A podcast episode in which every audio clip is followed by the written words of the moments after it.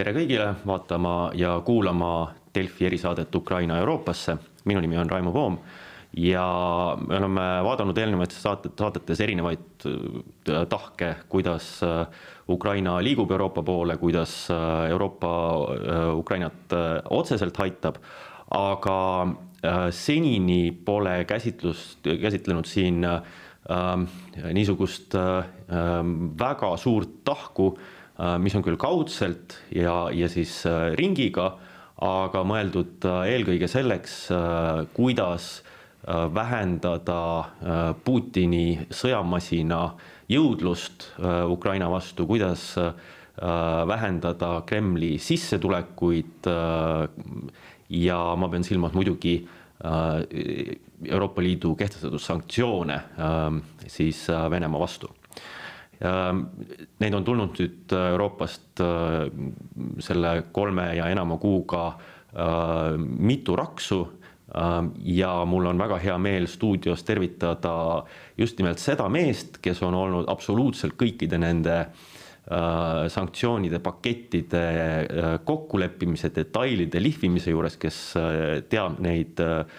risti-põiki. tere tulemast, Eesti suursaadik Euroopa Liidus, Aivo Orav. tervist Ähm, enne kui jõuame äh, praegusesse päeva, tegelikult läheks tagasi natukene enne sinna äh, selle sõjategevuse äh, Putini rünnaku algust. Ähm, Euroopa Liit, liitlased hoiatasid Kremlit väga selgelt, et kui te seda teete, mida me arvame, et te kavatsete teha, siis teid tabavad enneolematud massiivsed sanktsioonid. no ei uskunud Venemaa seda tegi ikka ära, aga sanktsioonid äh, tulid kiiresti, sisuliselt hakkasid tulema loetud päevadega. Äh, kuidas see võimalik oli, et, et kohe saadi kaubale omavahel, kohe hakati neid järjest peale panema Venemaale? detsembri lõpus, kui see informatsioon hakkas sisse tulema või noh, see hakkas varem muidugi aga detsembri lõpus oli ka Euroopa Liidu poole peal Brüsseli linnas äh, arusaamine selge, et Venemaa võib midagi sellist ette võtta ja siin tuleb kindlasti välja tuua Ursula von der Leyeni isiklik roll, kelle kabinet siis hakkas juba jaanuari alguses neid sanktsioone ette valmistama. ja neid sanktsioone, noh, läbirääkimisi kujutatakse ette kahekümne seitsme riigi vahel, et mingi paber pannakse lauale ja siis need kakskümmend seitse räägivad läbi aga kui seda niisugusel kujul teha, siis see on parim võimalus läbikukkumiseks, sest see tähendab ju kohe, et tuleb äh, laupkokkupõrge, informatsioon hakkab meediasse levima ja enam ei saa siis poliitikud ega ka diplomaadid nagu vabalt tegutseda. ja mida siis proua von der Leyeni kabinet tegi, et nad jaanuari alguses väikestes gruppides tõid liikmesriikide saadikud kohale hakati nagu neid sanktsioone läbi vaatama, kusjuures kõik oli laual, kõikvõimalikud variandid ja nendes väikestes gruppides oli siis võimalik kindlaks teha, kus probleemid asuvad, mis on tehtav, mis on kiiresti tehtav, mis vajab siis rohkem analüüsi. ja neid sanktsioone toodeti siis piltlikult öeldes Ursula von der Leyeni šeifi, kuskil paberi peal meil ei olnud ja kui nüüd siis need äh, sündmused kiirelt arenema hakkasid, ehk siis kõigepealt tuli siis Luhanski ja Donetski tunnustamise otsus föderatsiooni nõukogult, siis koheselt, see oli vist kahekümne teisel äh, mm, veebruaril, tuli ka esimene sanktsioonipakett. kusjuures need sanktsioonid tulid niivõrd loogiliselt, et meil ei olnudki vaja sinna Ursula von der Leyeni seifi kallale minna, need olid äh, teistsugused asjad, mis kiiresti paika saadi ja noh, kui sõda algas kahekümne neljandal, siis kahekümne viiendaks oli sealt seifist kõik välja toodud, mis, mis võimalik oli ja need said siis üsna kiiresti templi peale ja ka välja kuulutatud mm. kui nüüd selles mõttes, et, et inimesed on äh, jälginud siit sõjasündmuseid, äh, Euroopa Liidu uudiseid, tõenäoliselt, äh, tõenäoliselt on juba isegi pilt eest ära kadunud, et täpselt, mis sanktsioonid on on siis selle ajaga Venemaa vastu kehtestatud, et et nüüd loetakse neid pakette, et kuus tükki me teame, on, on heaks kiidetud. et ähm, kui peaksite tegema niisuguse kiire ülevaate, et mis on need põhilised sanktsioonid, äh, mis siis, äh, mis siis noh, on kõige suurema mõjuga nendes, nendes asjades, et mis, mis need, mis need siis Venemaale kehtivad? Eks seda, millel on kõige suurem mõju, seda me näe, saame ikkagi näha ajaloo lõpus. aga praegu äh, need jagunevad nagu mitmesse kategooriasse, aga üks kõige lihtsamini arusaadav sanktsiooniliik on siis isikutevastased sanktsioonid, ehk siis teatud inimestel, kui on olemas piisav tõendite pakett, nad ei saa enam reisida Euroopa Liidu territooriumil ja nende varad, kui seal juhtub neid olema, siis need külmutatakse. ja see on nagu väga selgesti ja lihtsalt teostatav. aga noh, mis alguses ka kohe tulid, oli õhuruumi sulgemised, see, et äh, Venemaale ei antud enam lääne firmadelt lennuki äh, hoolduseks äh, äh, materjale, mis oli nagu kiire, väga kiire Äh, kiiresti sihitud ja kiire mõjuga ja noh, sedasama me nägime siin paar päeva tagasi, kui härra Lavrov ei saanud ju Serbiasse härra Vutšitšiga kohtuma minna Just. nende samade sanktsioonide tulemusel. SWIFT, SWIFTist räägiti kahe tuhande neljandal aastal ja jutumärkides nii-öelda kui nii-öelda tuuma äh, variandist, mida teha ja tollel ajal leiti, et see on ikkagi nii suur asi, et seda ei tehta nüüd see tehti ära, et võeti enamik Vene ja Valgevene pankasid siis SWIFT süsteemist välja. Nendest eh, inimeste eh, vastu suunatud sanktsioonidest veel ma tuleksin siia tagasi, oli ju ka härra Putini ja Lavrovi vastu suunatud sanktsioonid. ja kui seda alguses hakati läbi rääkima, olid mitmed liikmesriigid, kes ütlesid, et mitte mingil juhul me ei saa seda teha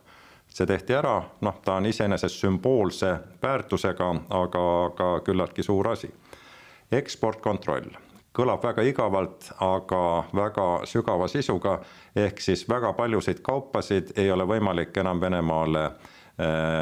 eksportida. Ja seda ainult mitte Euroopa Liidust, aga seda koostöös siis Ameerika Ühendriikide, Jaapani, Šveitsi ja paljude teistega. Ja siin me hakkame nägema neid mõjusid, noh, osaliselt juba näeme, kui mitmed ettevõtted ei saa enam tootmist jätkata.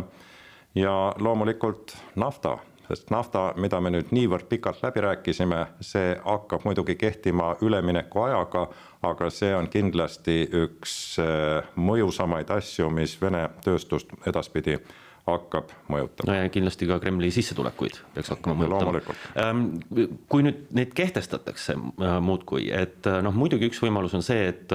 et noh, ajakirjanikud vaatavad, mida, mida Venemaal kirjutatakse sanktsioonide mõjust, sest et noh, lõppkokkuvõttes me tahame saada neilt mõju, sedasama mõju, et nad vähendaksid äh, siis Putini suutlikkust Ukrainas seda sõda pidada. Ähm, aga kas Brüsselis ka keegi jälgib seda ja, ja nii-öelda vaatab, et mis mõju neil on, no ütlesite, et me hakkame veel nägema neid suuremaid mõjusid, ähm, aga et noh, et peab mingit arvet, et äh, ja, ja raporteerib teile, äh, riikide esindajatele kui sanktsioonide kehtestajatele, et, et kuidas nad mõjuvad, ähm, kas nad mõjuvad? Noh, osad asjad on väga lihtsalt mõõdetavad, seesama, et kui Venemaa keskpanga varad külmutati, siis oli selge, et nad on paljudest kümnetest miljarditest ilma jäänud. või kui inimestelt võetakse nende jahid ära või villad, see on samamoodi nagu selgelt nähtav. SWIFT, kui enam ei saa pangas ülekandeid lihtsalt teha, et selleks peab kuskile minema telefakse saatma, jällegi väga selgelt mõõdetav. aga muidugi on paljud sanktsioonid niisugused, millel on mis on nii-öelda pikema vinnaga ja, ja loomulikult seda analüüsi tehakse, nii et võib-olla ma tuletaksin meelde, pärast neljandat paketti äh, oli noh, teatud väsimus ja, ja paljud need, kes ei olnud väga entusiastlikud edasi minema sanktsioneerimisega, tulid just selle jutuga, et nüüd vaatame, kuidas need töötavad ja katsume la auke lappida ja analüüsime pikemalt ja loomulikult on see oluline, et kui on mingi sanktsioon kehtestatud, siis koheselt ju üritavad nii-öelda pahad leida võimalust, kuidas sellest sanktsioonist eh, mööda minna. me oleme seda näinud Iraani puhul, me oleme seda näinud paljudes teistes kohtades. nii et see aukude lappimine, see on igati normaalne tegevus, mis käib sinna juurde. iga järgneva paketiga me oleme katsunud siis ka neid, neid auke kinni panna aga neid analüüse teevad siis muidugi liikmesriigid ise, kellel on nagu rohkem ühe või teise sektoriga puutumust ja samamoodi siis Euroopa Komisjon ja välisteenistus, kellel on äh, selles äh, suur roll, et nemad samamoodi siis hoiavad silma peal ja, ja, ja kui midagi on vaja juurde teha või leitakse, et need asjad ei tööta hästi, seda kõike siis arutatakse ja kaalutakse. Mm..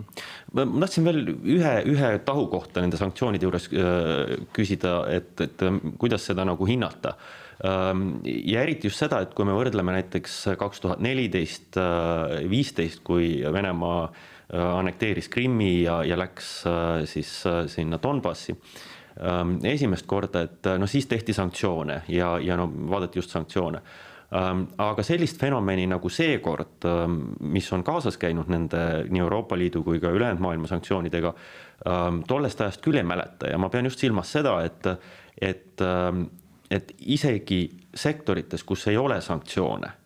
on väga paljud ettevõtted, lääne ettevõtted ise äh, Venemaalt lahkunud, äh, pidades kas seda seal äritegemist liiga äh, riskantseks selle jätkamist või, või mainekahjuks või, või nii edasi. et neil pole otseselt olnud seda nii-öelda käsku, aga väga paljud on lahkunud.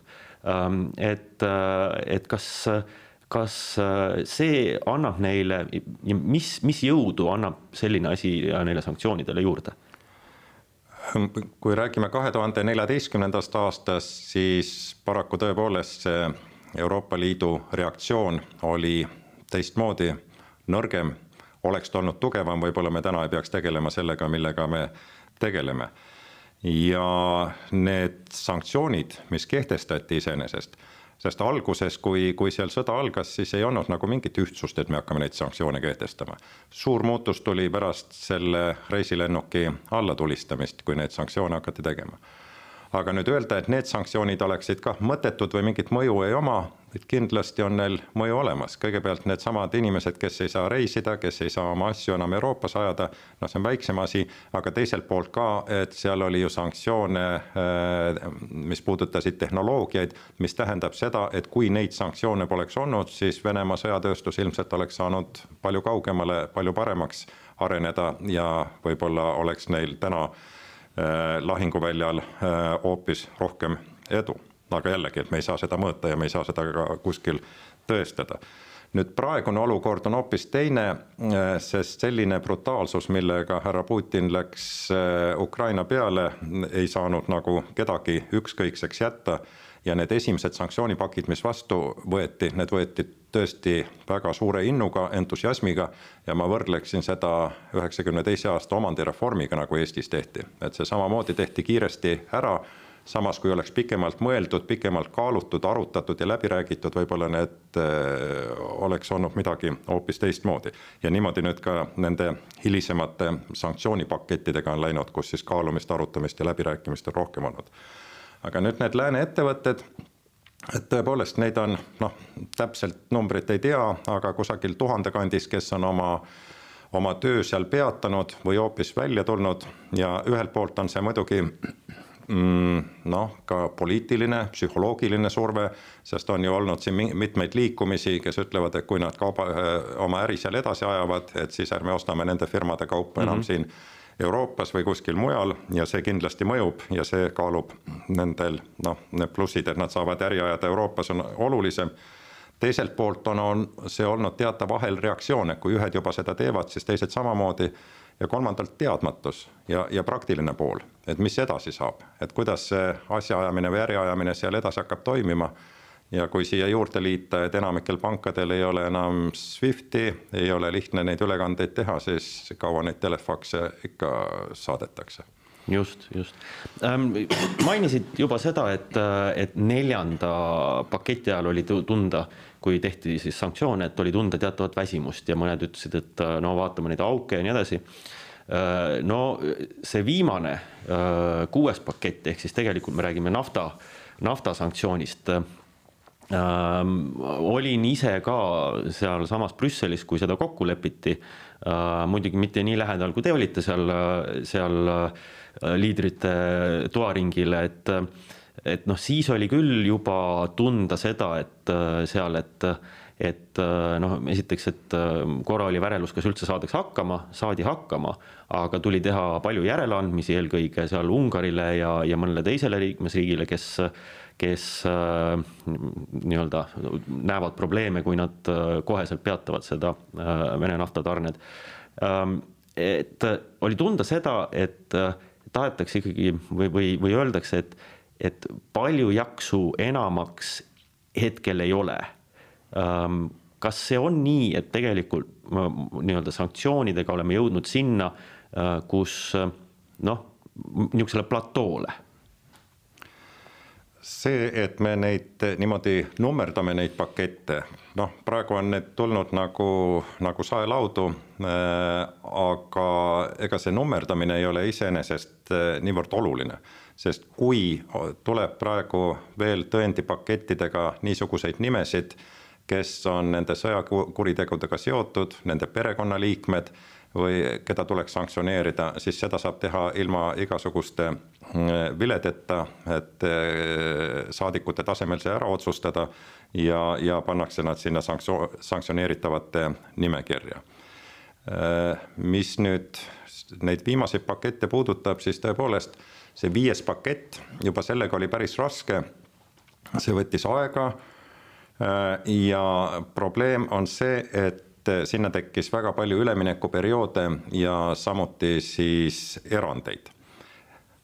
samas on siin ka oma loogika, sest nende sanktsioonide eesmärk on ju ikkagi karistada agressorit, panna teda oma käitumist muutma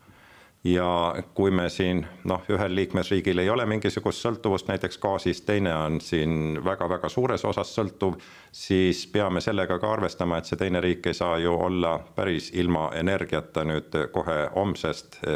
ja, ja see ju lööks nagu meie oma ühtsusele oluliselt rohkem tagasi. nii et selles mõttes järjest rohkem tullakse välja nende eranditega ja vaadatakse ka sinna sisse, mida liikmesriikidel endale vaja on viies pakett, seal ju otsustati sanktsioneerida meretransport, äh, maanteetransport ja samuti siis kivisöe import Venemaalt. aga kõik need väga pikkade üleminekuaegadega ja samuti siis paljude eranditega ja need erandid, et kui seal maanteetranspordi puhul, et veoauto sõidab Venemaale, osad kaubad Äh, on sanktsioneeritud, osad ei ole sanktsioneeritavad, et see tähendab ju, et need inimesed, kes kontrollivad neid veoautosid, see on tohutu töö, et läbi vaadata, kas see mutrikene siin on nüüd sanktsioonide nimekirjas või see siin ei ole. Äh, nii et äh, see tekitab nagu meile omalt poolt ka probleeme. mis puudutab viimast paketti, et tõepoolest selle läbirääkimine võttis kõige kauem aega, see algas aprillis algul ja noh, mm, kuna Prantsusmaal olid valimised, siis oli seal üks leer, kes arvas, et me ennem neid valimisi ei peaks nagu selle paketiga ära edasi minema. ja paraku tuleb tunnistada, et kui oli liiga palju seda mõtlemis- ja arutamisaega, siis andis see ka paljudele võimaluse veel rohkem vaadata, et mida sealt siis küsida ja mida, mida vastu saada. ja siin jällegi tuleks uuesti tulla Ursula von der Leyeni rolli juurde, et kõik need sanktsioonipaketid on ju alguse saanud niimoodi, et pärast neid väikses ringis konsultatsioone, kui tehakse siis liikmesriikide saadikutega kindlaks, mis on tehtav, mis ei ole tehtav, tuleb tema avalikult välja ja teatab, et nüüd me plaanime tulla välja selle sanktsioonide paketiga. kusjuures avalikkus vahest jääb nagu arvamusele, et nüüd ongi juba see pakett valmis. See ei ole veel valmis, see tuleb alles läbi rääkida ja noh, nüüd ta on saanud muidugi mitmetelt liikmesriikidelt ka kriitikat, et kuidas ta saab niisuguse ettepanekuga välja tulla, kui me ei ole veel kuskile jõudnud. ja sama puudutas nüüd ka seda kuuendat paketti. teiselt poolt võib muidugi öelda ka, et noh, selle oma avaliku sõnumiga paneb ta liikmesriigid mingil määral surve alla, et me ikkagi kokkuleppele jõuaksime, sest kui jällegi me lihtsalt laua taga neid arutaksime, siis meie erimeelsused paistaksid eh, võib-olla välja rohkem kui vaja oleks. aga selle kuuenda paketiga, et tõepoolest, et seal tekkis probleem siis nende riikidega, kes on selle Družba naftatoru äh, otsas ja, ja üks liikmesriik siis soovis väga suuri kompensatsioone saada, rahalisi selle eest, et ta siis saaks ennast ühendada teiste, äh, teiste torudega või siis ümber ehitada oma rafineerimistehaseid või mis iganes et kuna see läks niivõrd keeruliseks, siis see lõppotsus nägi välja niimoodi, et kogu see Družba toru tõsteti siis sanktsioonide alt välja ja sanktsioneeriti ainult naftatransport laevadega. Äh, kusjuures kõige olulisem see on, et äh, sanktsioneeriti ära ka kindlustus, ehk siis ei tohi kuue kuu pärast, pärast neid sanktsioonide vastuvõtmist enam tankereid kindlustada, mis peaks nagu vähendama oluliselt Venemaa võimalust seda naftat meritsi müüa. aga ma, ma küsiks lõpetuseks seda, et, et kui te nüüd vaadates seda nii-öelda riikide meelsusi ja, ja, ja asju seal Brüsselis peaksite vaatama nüüd tuleviku sügise poole, et et kas on veel mingisuguseid tahke või, või midagi, mis te näete, mis võiksid äh, Ähm, kus Euroopa Liit saaks äh, veel nii-öelda kruvi keerata koomale Venemaa suhtes. Ähm, kas see on sanktsioon või on seal midagi muud? Ähm, on midagi sellist, mis te näete? no veel kord, et see on väga kompleksne praegu see, mida me oleme juba vastu võtnud ühtsena ja, ja korraks ma mainiksin veel seda Euroopa Liidu ühtsust, et vahest on nagu meediaruumis ka kuulda olnud, et räägitakse sellest ühtsusest, et tühja ka, et mis ühtsus seal on, et kõik ju vaidlevad omavahel ja üks teeb ühte, teine teist. aga see ühtsus, mis praegu ikkagi on olnud alates sõja algusest, on täiesti unikaalne et niisugust asja mina oma, oma mitmekümne aasta jooksul eh, diplomaatias ei ole Euroopa Liidus kunagi näinud. ja noh, nüüd edasised sammud, et loomulikult kõige suurem asi on see gaas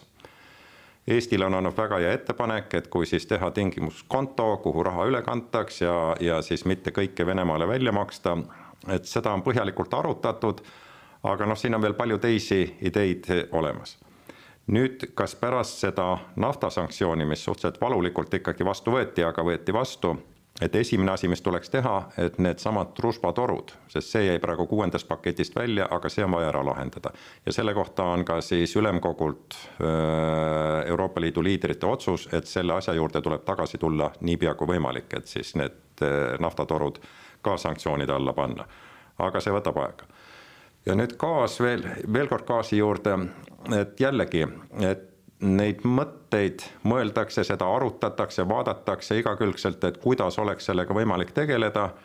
aga samas ilmselt võtaks see nädalaid, kui mitte kuid, need läbirääkimised. ja paralleelselt on olemas ju Euroopa Liidu poliitiline kohustus, et me loobume Vene gaasist kahest kolmandikust juba aasta lõpuks ja siis aastate jooksul täielikult, nii et see protsess on juba pöördumatu nagunii, sõltumata sanktsioonidest. Mm et ühest küljest jah, et võib-olla me saaksime kiiremini midagi teha sanktsioonidega, aga teisest küljest nüüd arvata seda, et kui isegi see sõda peaks lõppema homme ja, ja, ja siis äh,